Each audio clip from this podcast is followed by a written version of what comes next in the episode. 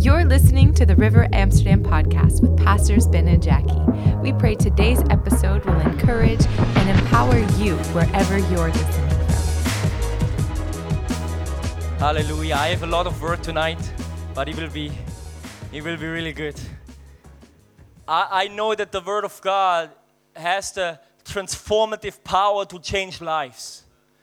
I, I love God's presence, and the Word of God is anointed.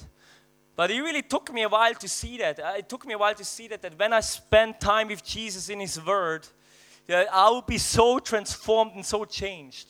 The Word of God is that two edged sword that cuts deeper.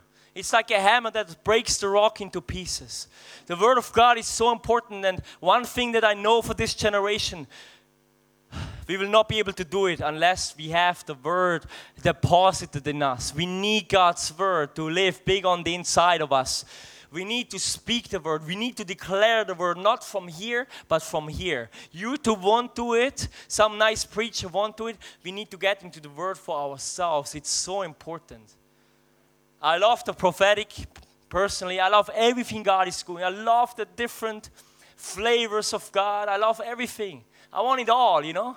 But I know this, this is the eternal word of God. This is the eternal word of God that changed my life. And I want to talk about abiding in Him, what it means to abide in Him. The Christian life is not trying harder. As I already mentioned it, so many people come like, yeah, I'm trying, I'm trying. And I'm not speaking from the high horse tonight. I've been there myself. I tried so hard. I really tried. But guess what? When you're trying, probably something is wrong. We are not called to try hard, we are called to abide in Him. One person said it like this that the Christian life can be summed up in one word that is to abide in Jesus. That's our life is to just abide in Him, to never leave Him, to never move away from Him, to stay connected to Jesus. And that has so powerful implications as we are going to see from the Word of God.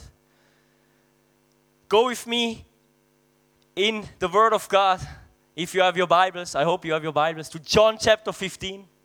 John chapter 15. And I'm just going to read a whole passage here. John chapter 15 talks about abiding in the Lord.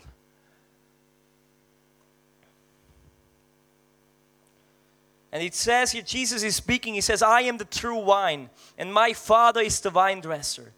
Every branch in me that does not bear fruit, he takes away. And every branch that bears fruit, he prunes, that it may bear more fruit. How many of you you have experienced pruning lately? And my hands are up too, my feet up too. You know what I love so much? I've mentioned it the last time. I love the rebuke of the Lord. When I'm being pruned, it's not to punish me or something like that. No, pruning is something good. That means that you bear fruit already. But He loves you too much to leave you the same. He wants that you bear even more fruit. That's why the pruning is taking place in the first place. Those He loves, He corrects. That is so important that we are children and receiving the loving correction of a father, which is exactly what repentance is.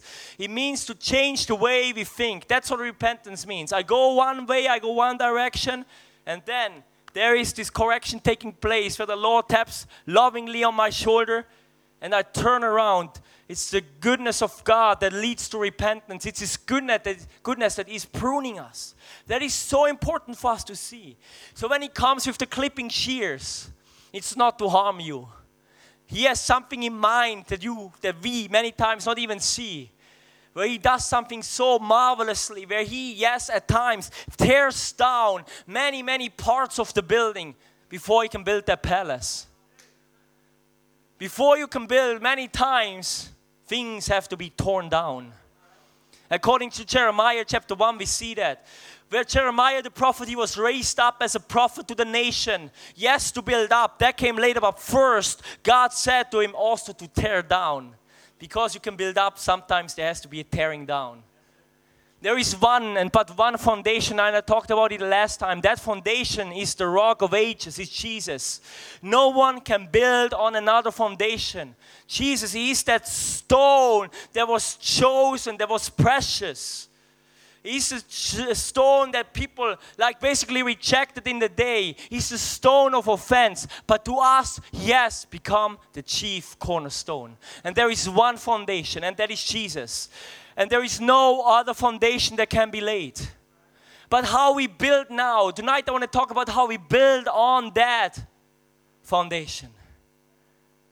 And that is so important for us. I see so many people building their house on the sinking sand where they use the wisdom of the world, but the wisdom of God is more powerful than the wisdom of the world.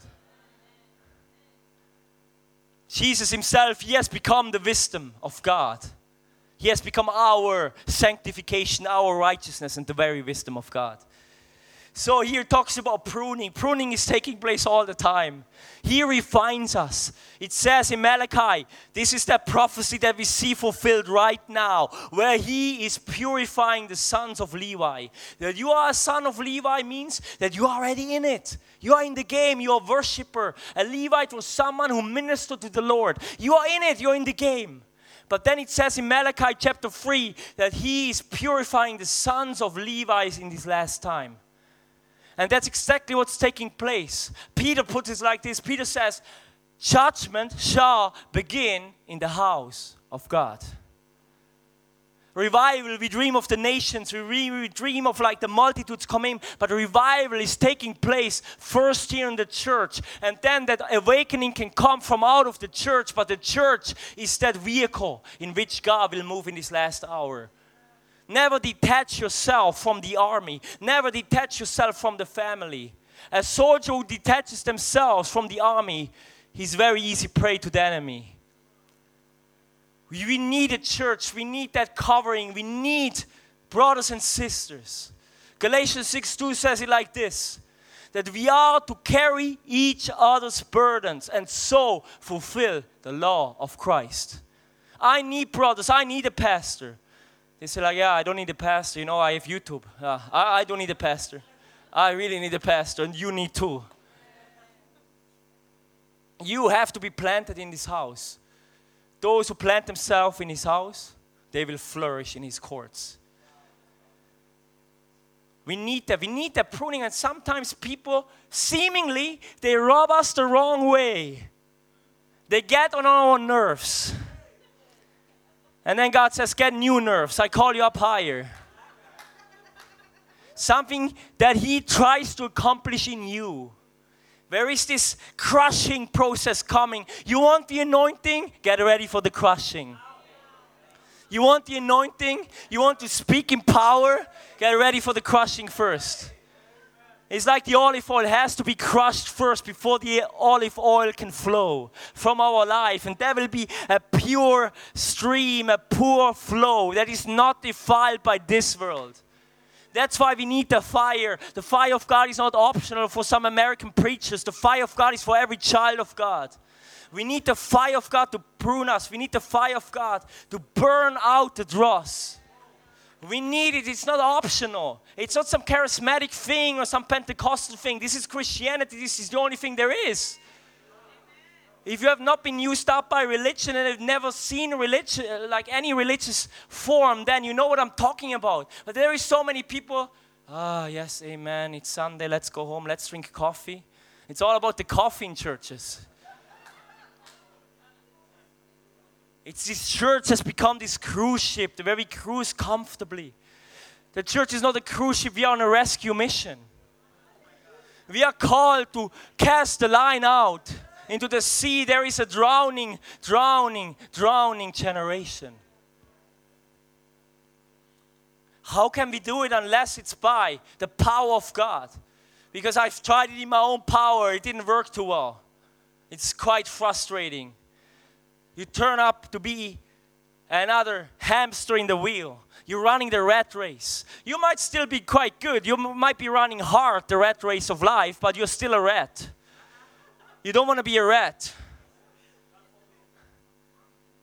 We need the fire, we need His endowment. It's not optional, I'm telling you. You want the anointing, you want your life to matter in light of eternity. Oh, we have to cultivate this. This is hunger, like David, like he was crying out earnestly, earnestly, I desire the Lord. Or early in the morning, I desire Him. Many times I've been there where I feel like, oh, I'm doing so good, you know, like it's going good, you know. And then God, He puts away those things, those things that were hidden, all these blind spots, and He reveals things. I'm like, oh, wow. Lord, do a work in me. Here am I again on this altar of my life. This is never ending, and I love the Lord for that. I want to be conformed into the same image of His Son. Oh, I want when people look at me, they see Jesus. We always say this here at the river. We say this with the soul when we go out. We say, yeah, they can forget about our names as long as they remember that one name, the name of Jesus. Oh, I so desire that for, for a whole generation to walk in His love and in His power. Where it's not a thing of like, oh, yeah, yeah, have to come to church again or whatever no, it's exciting when we get up in the morning. I'm waking up a son, I'm waking up a daughter, I'm waking up, hallelujah, alive unto God. Where every day becomes exciting in Him. Where no man owes me a thing, but I owe my generation one thing an encounter with Jesus. Hallelujah. So the pruning is taking place. I know some of you guys' stories. I know things that you have been through, even lately. Maybe it's a year ago, maybe I know, don't know the whole picture. But it's not for no reason. Count it all joy when you encounter various trials, for it produces in you a steadfastness and the patience that you will lack in nothing. Count it all joy. I shared this before, but in the beginning of my being a Christian, I read about Paul and I read all the things he went through, the persecution, the tribulation, and all these things. And I was like, whoa, God, this is wow, this is quite wild here. Why do I not encounter any of these things that the Apostle Paul had to encounter? And I really heard God very clearly on that one. He's like, son, you're not ready yet. Sometimes, because all hell seemingly is breaking loose over your life, doesn't mean you have done something wrong. No, it actually means you have done things right. Where hell is getting terrified. Where they say, Yes, we know Jesus. We know the Paul that preaches Jesus. And now we get to know you too. Oh my goodness. That's why the pruning is for. Oh, yes, this masterpiece that is in the making that He has in mind. That's who you are. Thank you, Jesus. But I want to keep on reading a couple of more verses here. In verse number three, it says, You are clean already because of the word which I have spoken to you. See, this is so powerful with the word. When you hear his words, it has this purifying effect. People strive against sin and this and that. But Psalms 119 says this I have hidden thy word in my heart that I may not sin against you. I'm telling you, do it. Don't, don't try to not sin. If you try to not sin, you will sin. Because then you are again sold under this law mentality. I'm trying so hard. I'm biting my fingernails. I'm like, Ugh. this is not working. You're like this do's and don'ts list. This is all just reduced to this law mentality. But if you just hide His word in your heart, guess what? That word that is a spiritual seed that is being implanted in your heart is going to produce fruit. The fruit of sanctification, the fruit of righteousness, the fruit of peace, the fruit of joy that's totally effortless. The only, only condition is that you plant, that you keep planting and watering, that the, the rain of the Holy Spirit comes and falls on the seed of the word and plants and waters, and then it will spring up and you become. Totally effortless. How can I become a better Christian? Read the word, allow the word to permeate you it says it here you are clean already because of the word which I have spoken to you. Abide in me, and I in you. As the branch cannot bear fruit of itself unless it abides in the vine, neither can you unless you abide in me. And this is so offensive to our mind because we want to perform in our mind. This is highly offensive to the religious thought life. And we just say, like, oh, I'm so dependent on you that unless I abide in you, I can do how much? Nothing. Nothing means no thing. I can do no thing. I can still do things, yes, I can still do stuff and run around, but they have no eternal value. This life is but a vapor, James says. It's here, now it's gone. It's fleeting away. It's like a dust. All that things that truly matter is those things that where we receive that sap of life, and Jesus produces that, those things in us. I say one more time, verse number four Abide in me, Jesus says, and I in you. As the branch cannot bear fruit of itself unless it abides in the vine, neither can you unless you abide in me. And then Jesus says, I am the vine, you are the branches. He who abides in me and I in him bears much fruit, for without me you can do nothing. I had to learn this. I had to learn what it means to be dependent on the Lord. You might have natural giftings. You might be a very good speaker. You might be a person with great looks or whatever.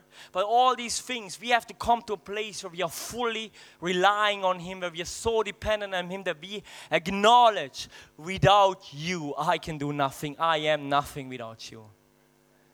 That's the starting point. That's when the grace of God collides with your life unless unless a grain of wheat falls into the ground it abides alone but if it falls into the ground and dies and dies. Guess what? There will be much fruit. Hallelujah.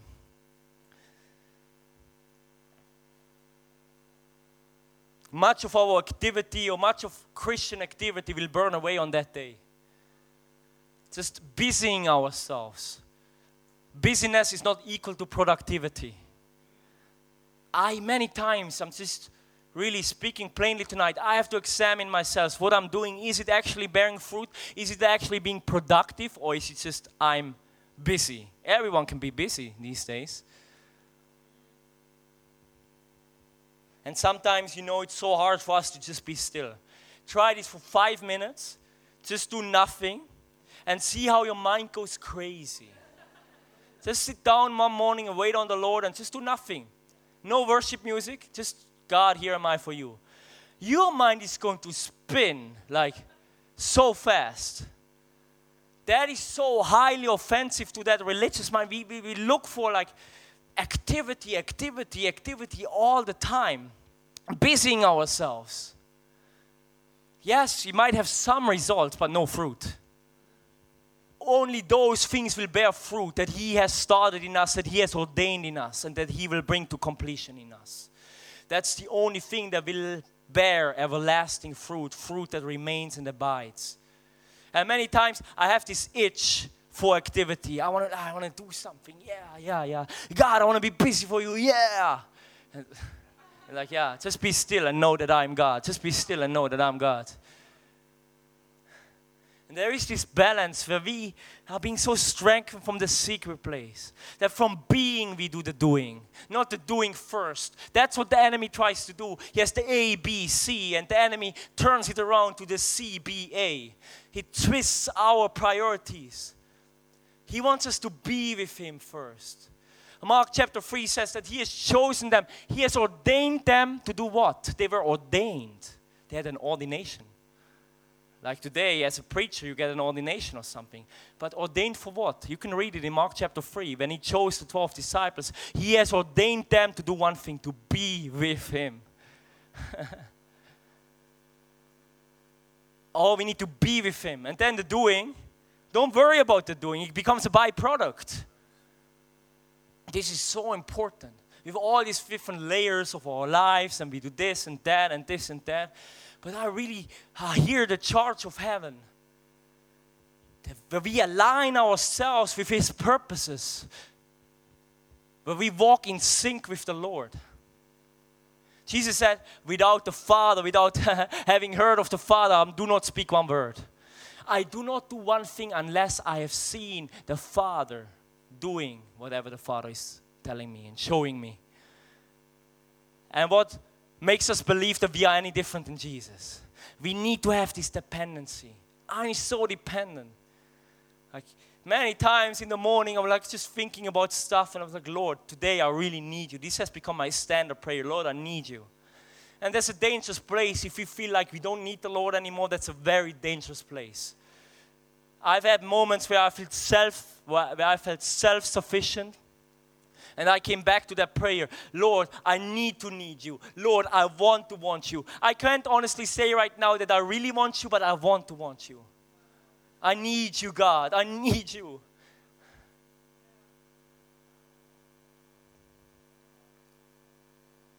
Psalms 127 and verse 1 says, Unless the Lord builds the house, those who labor, they labor in vain.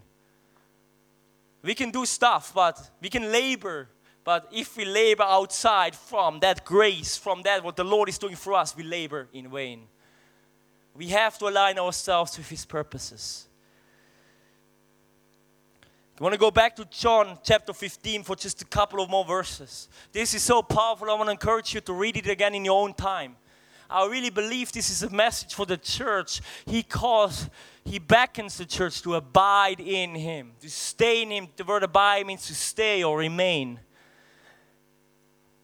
In John chapter 15, verse 6, it says, If anyone does not abide in me, he is cast out as a branch, and he and he is withered. And they gather them and throw them into the fire and they are burned. If you if you if you abide in me and my words abide in you you will ask what you desire and it shall be done for you. What a promise this is. If his words abide in you you can ask whatever and it will be done it will be given it shall be done for you whatever you ask and then verse number 8 this is really the kicker. This is so important what we have to understand. It says, By this my Father is glorified, that you bear much fruit, so you will be my disciples. A fruit bearing Christian is one who glorifies the Father the most.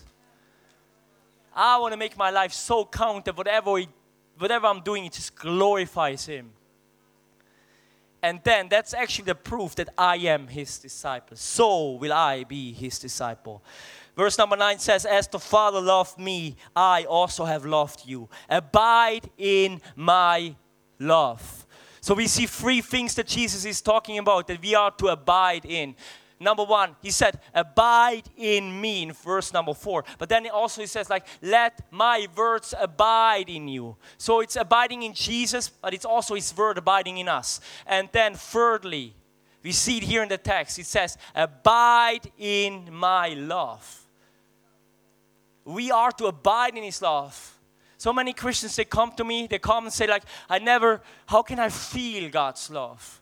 But this tells me that I have a choice. This is not up to God, this is up to me. It's up to me to abide in His love. But how? How can I abide in His love? How can I abide in Him? The next verse gives the answer. If you keep my commandments, you will abide in my love. Just as I have kept my Father's commandments and abide in his love. The same way Jesus, he was abiding in the Father's love by doing those things that the Father showed him to do. We, the same way, we are to keep His commandments. What is the royal commandment? What is the number one commandment? It's love. John 13, 34 says, I do not give you a new commandment, but a commandment which you had from the beginning, that you love that you love God, that you love God with all your heart, all your soul, all your mind. That's the royal commandment.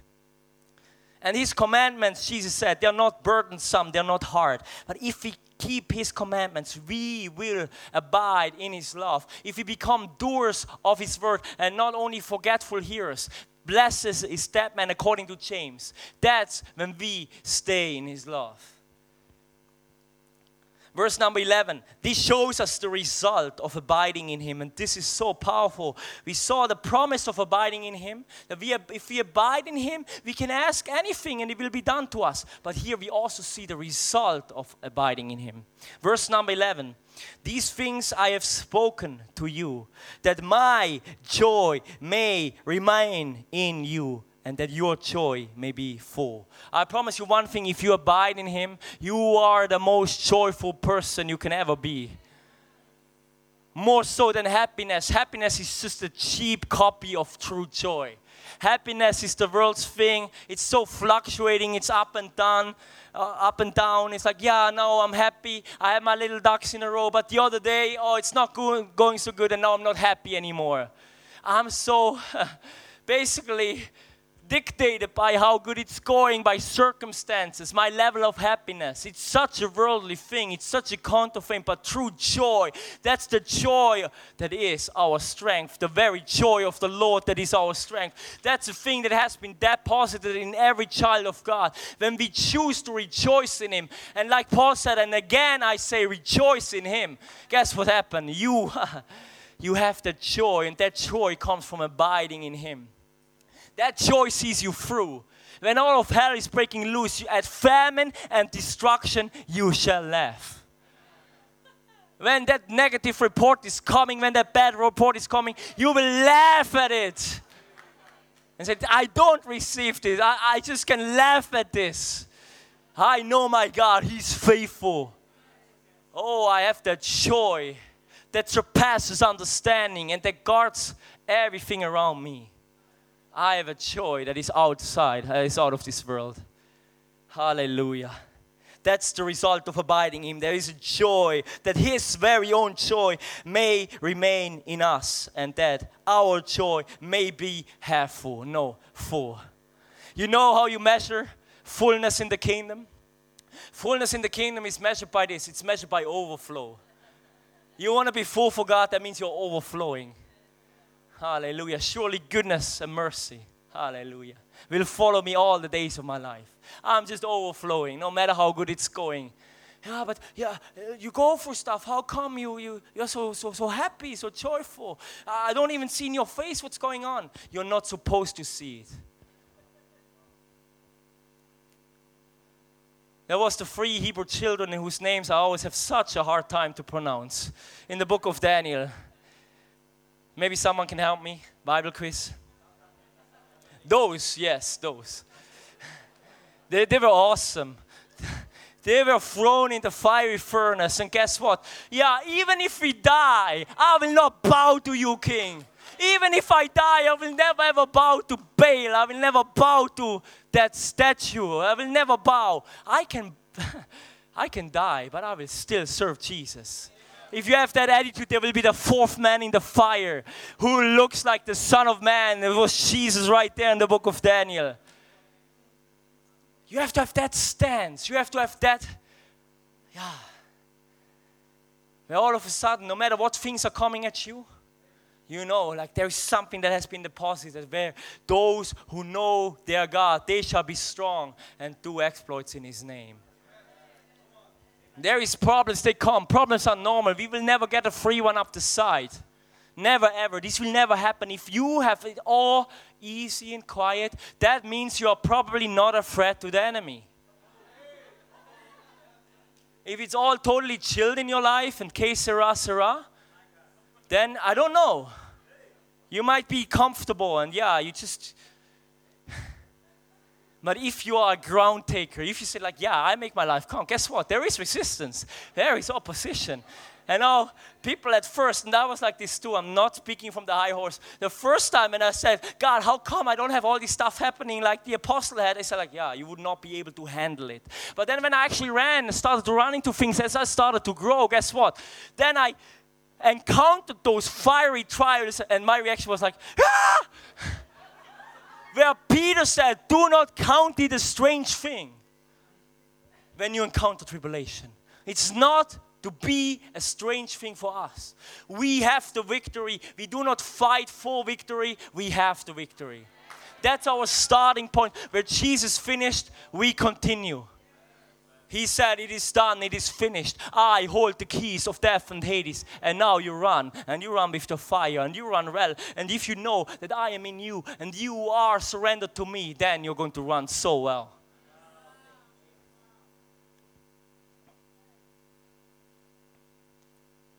But I was there too. Like, I mean, like, if I first, like, a little bit of difficulty, it's like, ah, I want to go back to my old life. I want to hold on to dear life. But the father was like, trust me. There is this story in Ezekiel. Hallelujah. I believe it was Ezekiel 47, where basically God is calling out Ezekiel in that vision deeper and deeper and deeper. That's our lives in the spirit. First, it was ankle deep, then it was knee deep, then it was waist deep, and then you lose control.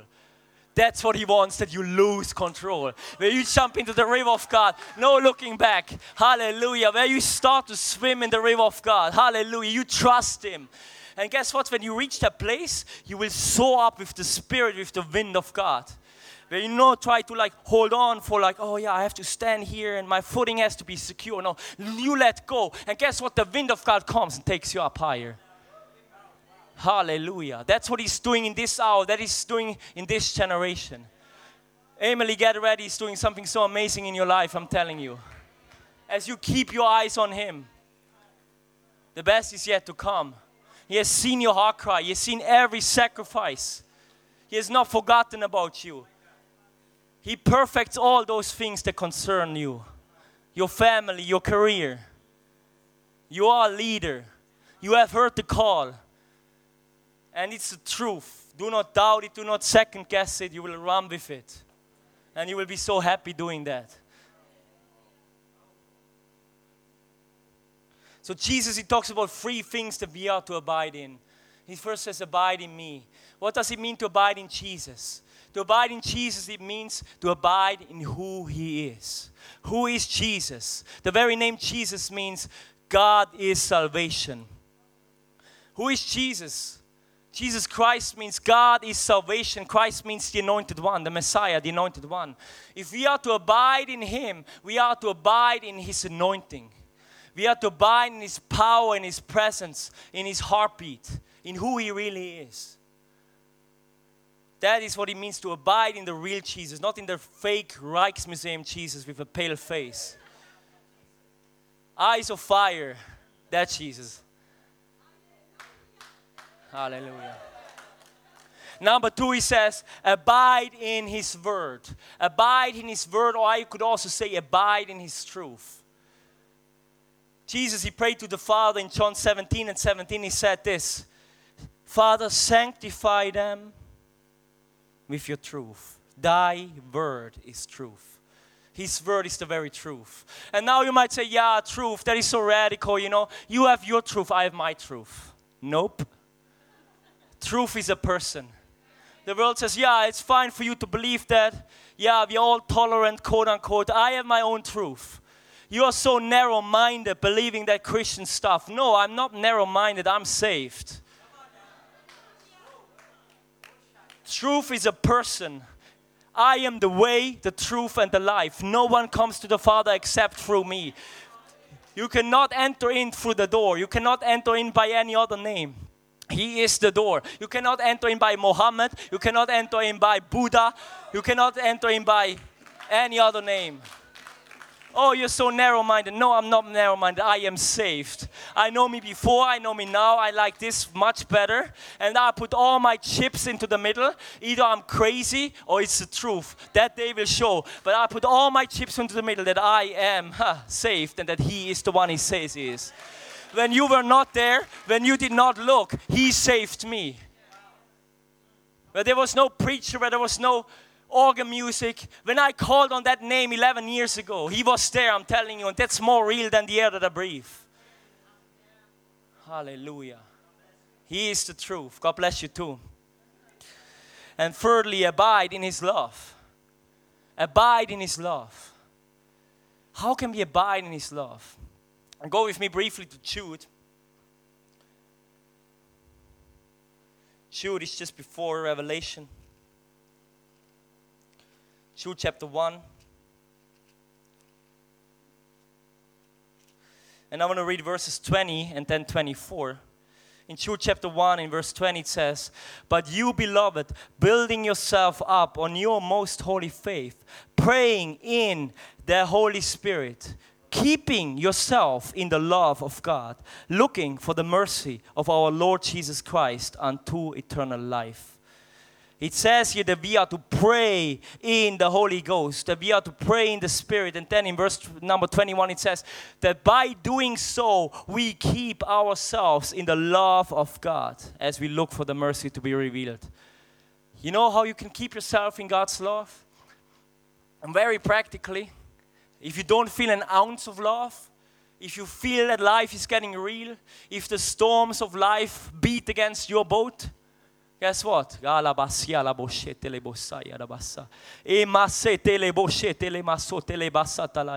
Oh, hallelujah. Thank you, Jesus. That in you are more than an overcomer. Whatever the enemy has meant for evil, you will turn around for good. Hallelujah. Thank you, Lord, that you perfect those things that concern me. Do this for 10 minutes, 10 minutes to stop with, and you will be different. You keep yourself in God's love praying in the Holy Ghost. And that's our part at times. Thank you, Lord. Now turn with me to Psalm chapter 27 because we need to see, like never before in this generation, we need to see in light of truth. And I love this whole psalm so much.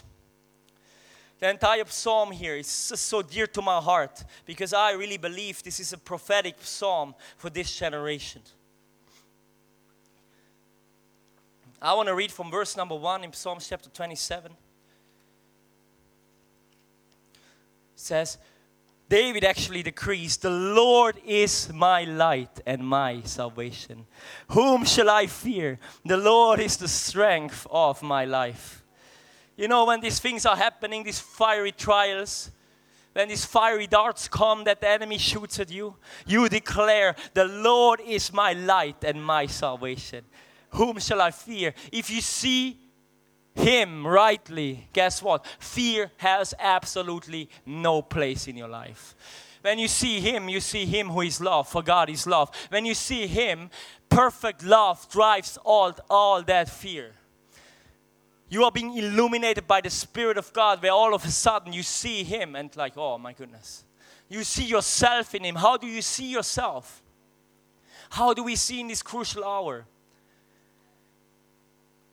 David, he says, The Lord is my light. The Lord is my light. I'm not in darkness anymore. The Lord is my light and my salvation.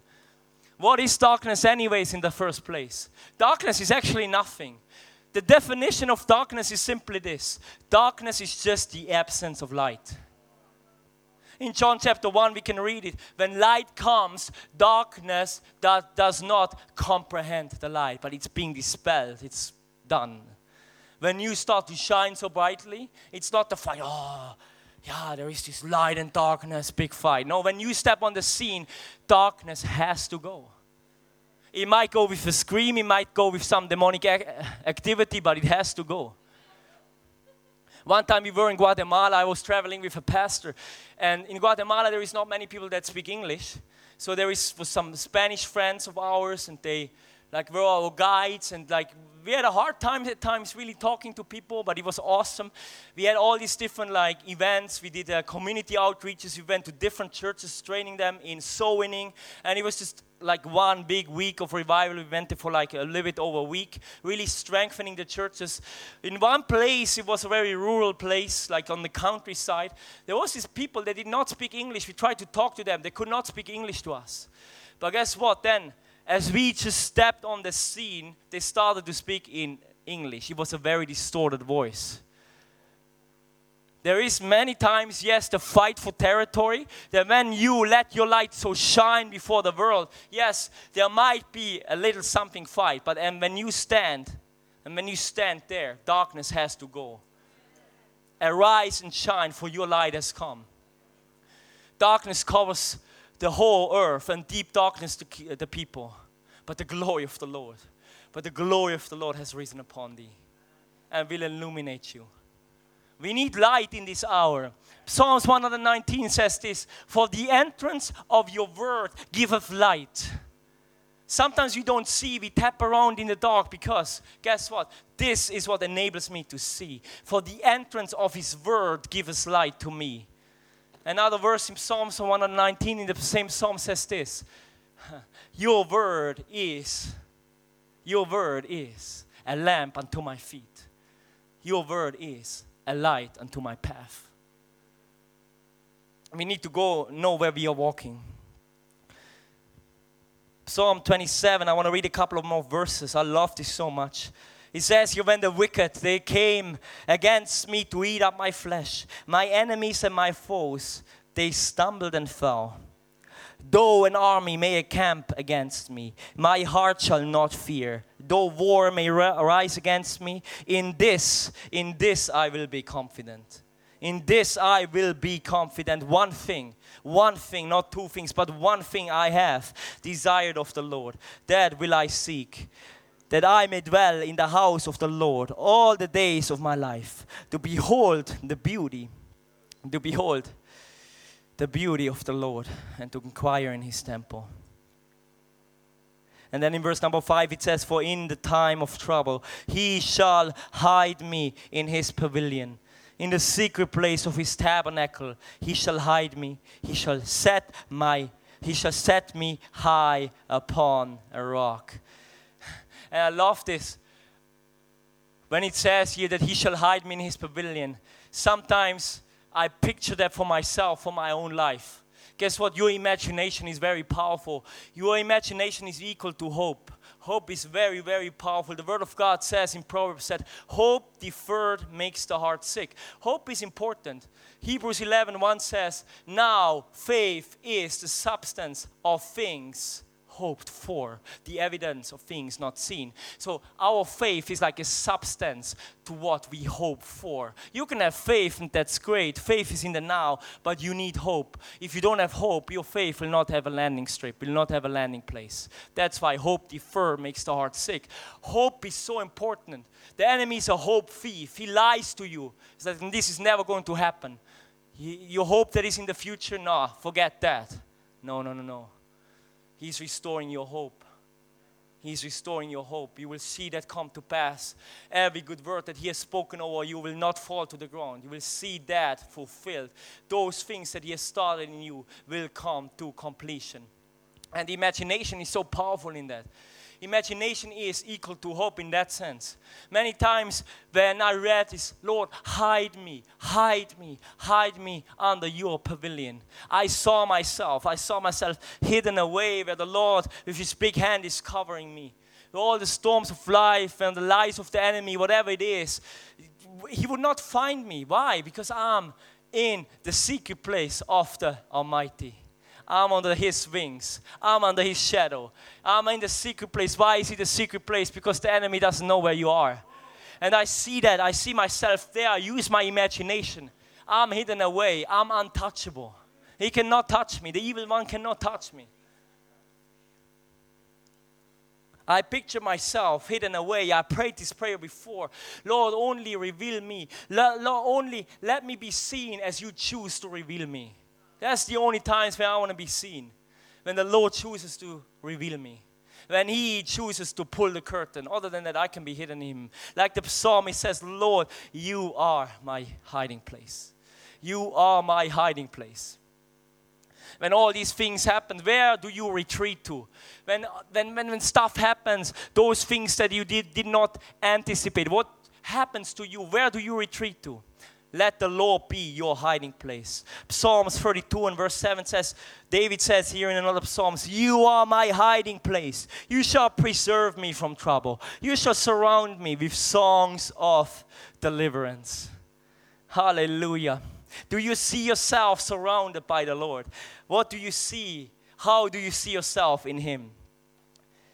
Thank you, Jesus. Seeing is so, so important. Again, David said, The Lord is my light by which I see. That is exactly what the Apostle Paul prayed for all the believers, specifically for those in Ephesus. But the Holy Spirit prayed this through the Apostle for you and for me as well. In Ephesians 1:18 it says, yeah, he prays that our inner eyes might be enlightened, illuminated, that our inner eyes might be enlightened for us to know what is the hope of his calling and the glory and the riches of his inheritance in the saints. We have to see, before we can see with our physical eyes, we have to see here. We walk by faith and not by sight. What is the opposite of faith? It is physical sight. But faith is a different kind of sight. Faith is an inner sight where you see those things that the Lord is going to do, and we have to see these things first. Before there was ever a church in Amsterdam, Pastor Ben and Jackie, they saw this church. Before this building was here, they saw this building here specifically. The Lord reveals things to us, and that's one thing that we need more than everything else. In this hour, we need revelation. We need to see. So again, David said, The Lord is my light. Jesus, he said it like this in Matthew chapter 6, verses 22 and 23. And this is so important for this time. Jesus said, The lamp of the body is the eye. If therefore your eye is good, your whole body will be full of light. But if your eye is bad, your whole body will be full of darkness. If therefore the light that is in you is darkness, how great is the darkness? In other words, what you see is what you are full of. What do you see? You have three gates. You have the eye gates, the ear gates, and you have the mouth, what you speak. These three gates are of utmost importance in this hour, especially what you see. What you behold is what you become. What you see is what you're full of, and what you behold is what you become. And you might say, This Is really scriptural that what I see is what I become? Yes, absolutely. Second Corinthians chapter 3, verses 17 and 18 says this. For the Lord is the Spirit, and where the Spirit of the Lord is, there is freedom. But in the next verse, it says this And now we, with unveiled faces, we are beholding Him dimly as in a mirror, beholding the glory, the glory of the Lord, are being transformed, are being transformed from glory to glory, as it is by the Spirit of the Lord. What you behold, you become. You want to see who you're going to be in five years? Then examine, examine what you're beholding now. What deserves your attention? The fight is for your attention. What is a distraction? A distraction is a side attraction that tries to deviate from the gaze on his face. You have to look to Jesus, looking, not just look, but looking, continually looking unto Jesus, who is the author and the finisher of our faith in Proverbs chapter 23 and verse 7, it confirms this by saying, As a man thinketh in his heart, so is he. There is a process that first you see, then you ponder, then you meditate on what you just saw, and that's what you are going to become. Your thought life, that's where the battlefield is the battlefield of the mind, where we have to pull down those strongholds that are between our ears. There are not just some demons in spiritual warfare. Those strongholds are right here. This is wrong ways of thinking where we take captive every thought in obedience to Christ. And we cast everything down that exalts itself against the knowledge of Christ. This is so important. This is called the renewing of the mind. And by the renewing of the mind, we become, we are being transformed. That's so important what we see, we ponder, we meditate upon, and that's what we are going to become. That's what is going to be our reality. Your thoughts or imagination is your inner sight. We belong to Him. Abide in Him and see yourself in Him. See yourself belonging to Him. How do you see yourself? You know, I love in the English the word belong if I see myself belonging to God, belong means this it's be, not do, but be for long. I'm being, be, I'm be long. I be for very long with Jesus.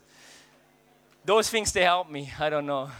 I'm belonging to Him. I, I'm, I'm, I'm being, I be long for long with Him. That's how you have to see yourself. You belong to Jesus. If you belong to Him, you have everything unto life and godliness. Hallelujah. He who has the Son has life. He who has not the Son has no life. We talked about abiding in His Word, which is so important. The Word of God is anointed. I know I'm kind of like running out of time, but I just want to share a couple of more scriptures. This is the Apostle John talking to us, the end time church. In First John, turn with me there quickly. In First John,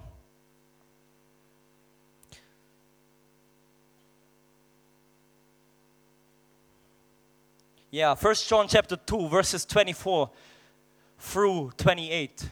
First John chapter 20, uh, sorry, First John chapter 2, 24 through 28.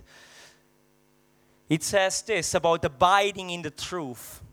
It reads, Therefore, let that abide in you which you have heard from the beginning.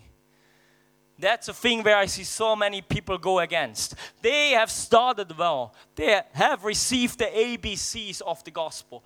They have received the absolutes, those steadfast truths of the gospel that are immovable, unshakable. But then they want more. They want heaping up of teachers to just tickle their ears. They want the extra biblical stuff. They want the whatever, you know, this female angel or that stuff or where is it in the word? This is the plumb line. If it's not in the word, don't get carried away with every wind and doctrine, like Ephesians 4 says.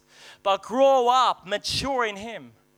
That's the maturity sign, that's the seal that you stand firm in the Word of God. That those things that you have heard from the beginning, that you are abiding in those things. And then in verse number 24 it says, If what you heard from the truth, if what you heard from the, the truth from the beginning abides in you, you also will abide in the Son and in the Father. And this is the promise that He has promised to us eternal life. These things I have written to you concerning those who try to deceive you. Did you know that there is people trying to deceive you? But the anointing, everyone said, but the anointing.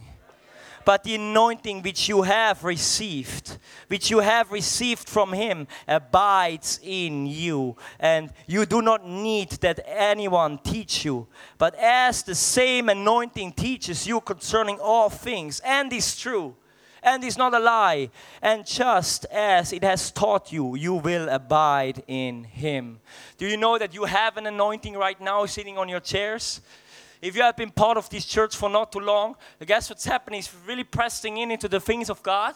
There is an anointing that you have that teaches you all things. Where all of a sudden you know the voice of God. Many people say, oh, I have a hard time hearing God's voice. Don't say that. Don't say that it's not biblical. John chapter 10 says, Jesus says, I am the good shepherd. My sheep hear my voice. And all of a sudden, if it's strange now, all of a sudden you distinguish these things because you have an anointing that remains in you and you abide in that place and you can distinguish of what is true and what is a lie. And the anointing is teaching you. Yes, absolutely. There is the office of the teacher, and we need teachers in the body. But it even goes as far as saying you do not need anyone to teach you in these matters because the anointing of the Holy Ghost is teaching you. Have you ever been there at this fork, at this crossroad? Oh man, what should I do? Go left or go right? It's an important decision. Listen to the anointing. Listen to his voice, the still small voice. Listen to those impulses. Do you have a peace about it? That's the number way how he guides me. In the Amplified Translation, Colossians 3:15 says it so beautifully. That let the peace of God rule and reign in you as an emperor and decide with finality every single matter in your life. You have peace about it? Go. It's a green light. That peace that you know. If you stay in the Word, if you're not like all diluted, if you walk in the Spirit, you can trust that anointing in making decisions. You have a lack of peace about it? Oh, red light. That is so important that we grow up in these things. And it says here so, so, it says it so well that that anointing abides in us. And then it says in verse number 28, it says, And now, little children, abide in him, that when he appears, we may have confidence and will not be ashamed before him at his coming. If you abide in him, there is no fear, there is no shame. You are just in him. You don't even know where he starts and where you end because it's Christ in you, the hope of glory. It's oneness. That's the goal of the gospel is oneness. It's you in Him, it's Jesus in you, and Jesus in the Father. And we are in Christ. Oh, hallelujah. How I love the gospel. It's so much more than a ticket to heaven, it's us being in Him. We are in Christ. Oh my goodness. You want to come with bad news and want to try to get my mood down if I know that in Him? Yeah, good luck with that. Oh, it's over. That seals the deal for me. I'm in Jesus. Jesus is in me. It's Christ in me, the hope of glory. Or like Paul was saying, don't you know that you're not your own? You have been bought with a price. You're now the temple of the Holy Spirit. And he who destroys, he who tries to destroy the temple, I will destroy. These are holy things. We are in him, we are one in him. We are connected to the vine, we are his branches. And that talks about the love and an intimacy. Where all I can think of is, oh, what are you mindful of, man? What are you mindful of the Son of Man that you even esteem us, that you even regard us? We are but clay, we are but dust. Hallelujah. That adem that is in me, that breath of life is in me, is yours, anyways, in the first place. And I get to live for you, I get to glorify you. Oh, that's a no brainer. I give it all, Jesus. But it's all going back to seeing. It's all going back. How do you abide? It's going back to beholding when you see rightly, when the word becomes your light, then you can say confidently with King David, The Lord is my light and He's my salvation. Hallelujah. Now I see Him rightly, I see Him clearly. It's over. I live for Him. I love Him. I, hallelujah. I will worship you all the days of my life. Oh, there, you know, have you noticed that? When someone is in love, no things are hard. I can speak from my own experience maybe right now. But you neglect sleep. Nothing is hard. When you are in love, like, oh, th- people come with problems, you're on cloud uh, seven, it's like, oh, okay, tell me later, you know? if you're in love with the master, I'm telling you, Oh, when you see him rightly, when you see his face, when you see the glory of God in the face of Jesus Christ, it's over, it's over, it's over. And that's that mark, that's that generation. That is the mark of that revival. That there is a people, they are not just doing things because it's just steered somehow by some yeah, doctrine or by some dogma. No, it's an encounter. It's a way of life. For he has become our life. And we and he appears, we will appear with him in glory. So set your minds on the things above where Christ is. Hallelujah. So we abide in Him, we abide in His Word, and we abide in His love. We abide in His love. Hallelujah. I want to end with this again in Psalms chapter 27, in verse number 8. This is so powerful. That's really when you seek Him, the Word of God promises you that you will find Him. In Jeremiah chapter 29, verse 13, it says, Oh, God is saying actually here, if you seek me with all your heart, it's a promise. If you seek me with all your heart, you will find me. Jesus confirms, confirms this in Matthew chapter 6 that if we pray to the Father who is in secret, as we close the doors behind Him, as we seek the Father in the secret, we will find it and we will be rewarded in the open. When you seek God, you will find Him. There is this generation that wants the more, that wants the, the living God. With David, we cry out, I want him. As the deer pants for water, so my soul longs for you, for the living God. Well, we have to have our own encounter, our own experience. It's great. I'm really, really highly encouraged by those who have gone before me. For, for, from those generals in the faith, even pastors, leaders that I had that poured into me. I'm eternally thankful. But all they are doing is they're cheering me on. They are cheering me on to just have my own encounter with the Lord. And when I say having my own encounter, this is not a one time thing, this is a continual encounter. From glory to glory, from faith to faith, from strength to strength, and from victory to victory in Him. In Psalms 27, verse 8, this is this dialogue that David has with the Lord. I love it so much. It's about these, uh, this special breed of people that seeks His face. Hallelujah. Psalms 27 8 says, When you said, David says, When you, God, when you said, Seek my face, my heart said to you, Your face, O Lord, I will seek. That was the same heart cry that Moses had. Hallelujah. One last scripture, also by David. Psalms 34, verses 4 and 5, David says, I sought the Lord. I sought the Lord, and he heard me, and he delivered me from all my fears. They looked to him, and they were radiant, and their faces were not ashamed. When you look to him, you will be radiant in this generation. You will shine forth the glory of him. Thank you, Jesus. I want to close with one of my favorite scriptures, and it's, I know it's always funny when I say that. But there will be a day coming where we all go back to the original design. How many of you know that it says in John chapter 1 that in the beginning was the Word, the Word was with God, and the Word was God? Talking about Jesus being the eternal Word of God. And then it says, next in verse number 2, it says there that nothing was created except it was created by the word. Going back all the way all the way to genesis chapter 1 where the spirit of the lord was hovering over the deep of the earth. And then the word of god came forth. And what was the first thing that we heard? Let there be light. Let there be light. And then there was this whole distinction where on the third day god basically created day and night. Guess what the sun and the moon were not created yet. The sun of the moon were only created three days later. Only three days later they were created. What was then the distinguishing factor between day and night? It was the very glory of the Lord. There was no huge ball called sun. A fireball called sun was not there yet. It was not created yet. You can read it in Genesis 1 but the very glory of the Lord was their light. For the Lord is my light and my salvation. That's where we're going back to. I'm telling you. Hallelujah. I'm seeing you, some of you are getting it in Revelation chapter 22. Revelation chapter 22 and verse number 4.